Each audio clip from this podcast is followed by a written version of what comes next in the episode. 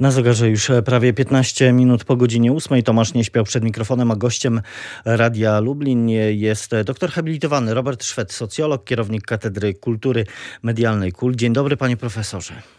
Dzień dobry. Czy Polacy jeszcze potrafią e, ze sobą rozmawiać? Ja pytam o to, e, bo jeśli zobaczymy, mm, jak mocno spolaryzowane jest e, społeczeństwo, jak duża agresja słowna towarzyszy sporom światopoglądowym, choćby tym związanym z, ze sporem wokół wyroku Trybunału i Konstytucyjnego w sprawie aborcji i publikacją tego wyroku, publikacją uzasadnienia, no to nabieram wątpliwości. A pan profesor?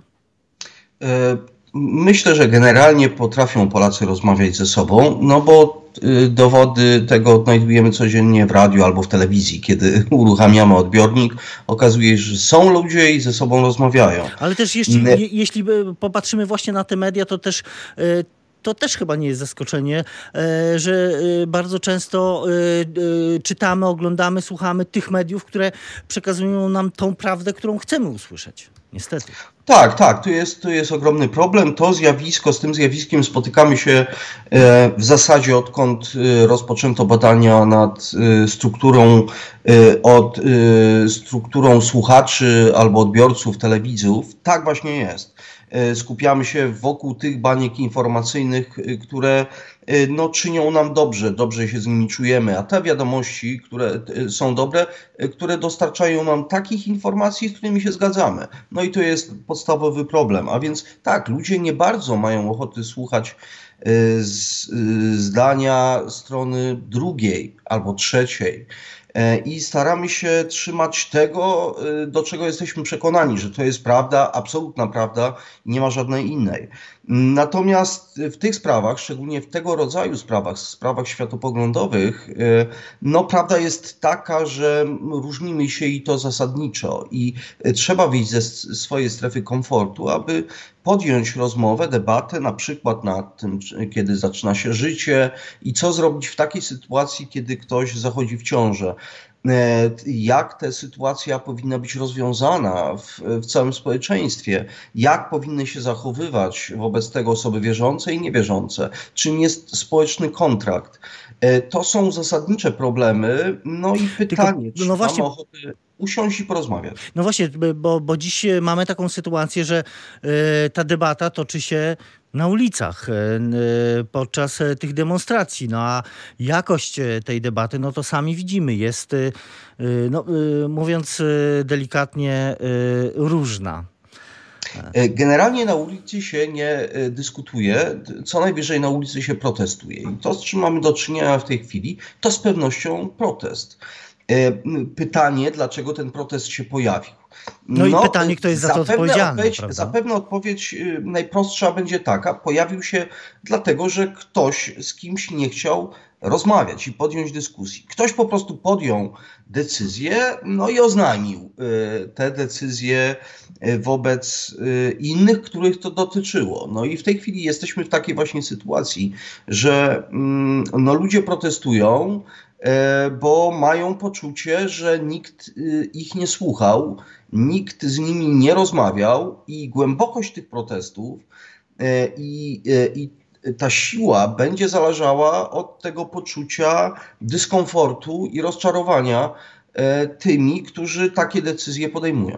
No właśnie, co w tej sprawie jest, panie profesorze, kluczowe? Czy, czy to, że została podjęta decyzja w tak newralgicznej sprawie yy, i jeszcze w czasie pandemii, yy, kiedy, kiedy w ogóle społeczeństwo jest zmęczone, jest zdenerwowane, jest niepewne, czy, czy to w ogóle, że zdecydowano się na zerwanie tego tak zwanego kompromisu aborcyjnego, a załamywanie, jak mówią niektórzy politycy opozycji, załamywanie rąk nad tym, jak ludzie ludzie reagują, to rzeczy drugorzędna.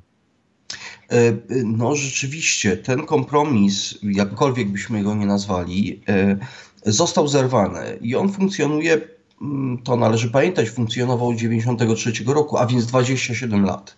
E, to dla niektórych słuchaczy całe życie. E, i zawsze tak sprawa wyglądała. Natomiast no, ja pamiętam te spory, jakie e, dotyczyły tamtej kontrowersji dotyczącym tamtej ustawy, a więc one były równie zażarte. I w tej chwili, e, w te kolejne wróciliśmy. Ten kompromis nie funkcjonuje. Mm, ustawa w zasadzie została zaostrzona, daje pole y, i do kolejnych zaostrzeń. Jeśli ktokolwiek zgodnie z nowym orzeczeniem Trybunału Konstytucyjnego y, zdecyduje się złożyć o ochronę życia w związku z y, na przykład gwałtem, będzie wysłuchany, dlatego że e, w tamtym wyroku, z którym teraz wszyscy się zapoznajemy, no życie dziecka jest najważniejsze. Y, no Chociaż te, te dwie przesłanki zostają, znaczy dwie pozostały poza. Tak, tak, poza...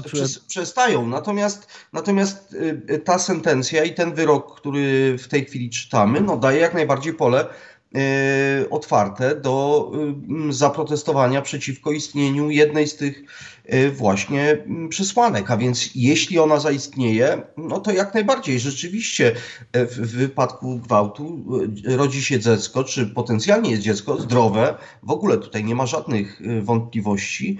E, a jednak e, ono jest abortowane. Co prawda jest to niewiele przypadków, na szczęście, natomiast one są i być może e, ktoś zdecyduje się wystąpić o, mm, o odrzucenie tej właśnie przesłanki. A więc, a więc tak, no jest problem, ponieważ ten kompromis jest zerwany i teraz pytanie, jak mamy się w tej sytuacji odnaleźć. No, wydaje się z perspektywy społecznej, że żeby zrywać jakiekolwiek kompromisy, należy poddawać to pod dyskusję. W tej chwili jesteśmy w takiej sytuacji, gdzie dyskusji w zasadzie toczyć nie można. Wyrok zapadł. Jest on zapewne zgodny z konstytucją. Mm, natomiast no, pojawia się problem, ponieważ on jest podjęty przeciwko znacznej części społeczeństwa, która nie chce się z nim zgodzić. Teraz pytanie, co zrobić w tej sytuacji? A no właśnie, e, panie profesorze, no właśnie, znaczna część e, społeczeństwa, no bo, też wydaje się, że ta decyzja, no, musimy ją rozpatrywać także przez pryzmat e, tych przesłanek politycznych. E, wydaje się, że Prawo i Sprawiedliwość, że rząd e, wkalkulował te, te protesty w tę decyzję, czy, czy jej możliwe konsekwencje E, no z kolei e, opozycja zdaje się też e, jawnie wspiera protestujących obywateli. No właśnie pytanie, czy to jest też wyraz troski o, obywateli, troski o demokrację, czy, czy jednak też polityczna kalkulacja? No, wydaje się, jeśli byłoby tak, jak pan redaktor mówi, no to byłby cynizm jednak rządzących, że oni zdecydowali się zrobić to w tym momencie Mm, w taki sposób, w jaki to zostało zrobione. No prawdą jest to, że Prawo i Sprawiedliwość wcale nie miało ochoty y, rozpoczynania tego dialogu i odsuwało decyzje i w ogóle wnioski w tych sprawach tak daleko jak mogło. No natomiast y, pod wpływem wyborców i prawego skrzydła mm, tej formacji oraz Konfederacji, no okazało się, że taki wyrok musi być e, rozstrzygnięty, musi być podjęty. No i został podjęty przykrywając problemy pandemii i ewentualnie innych y, niedoskonałości w systemie rządzenia. No z drugiej strony oczywiście y, opozycja podejmuje działania, które bronią. No, w przypadku lewicy to zupełnie zrozumiałe, dlatego że e, no, to kompletnie wbrew ideom i zasadom, a więc lewica jest przeciwna. Natomiast zwróćmy uwagę na to, że ugrupowania bardziej konserwatywne, to znaczy Polskie Stronnictwo Ludowe, czy Koalicja Obywatelska, y, czy Ruch Hołowni również się temu sprzeciwiają w ten czy w inny sposób. PSL zapowiedział, że złoży projekt ustawy o przywrócenie tej sytuacji poprzedniej, czyli tego kompromisu 93 roku właśnie. Tak, a więc wydaje się, że, mm, że jednak zabrakło tutaj pewnej wrażliwości, bo skoro taka konserwatywna partia, jaką jest Polskie Stronnictwo Ludowe, podejmuje tego typu y, działania, to o czymś to świadczy. A pamiętajmy, że y, y, kiedy były eurowybory, Polskie Stronnictwo Ludowe bardzo mocno dystansowało się od tego typu spraw światopoglądowych, które gdzieś były po lewej stronie, prawa osób LGBT, to wszystko było bardzo dalekie przekonaniom e, ludowców. No w tej chwili e, to oni pokazują, że jednak jest coś takiego jak ochrona życia, Jak najbardziej, to jest kluczowe. Natomiast nie w tym się przejawia konserwatyzm, że zaostrzamy te ustawy, ale jednak, że podchodzimy do nich nieco inaczej.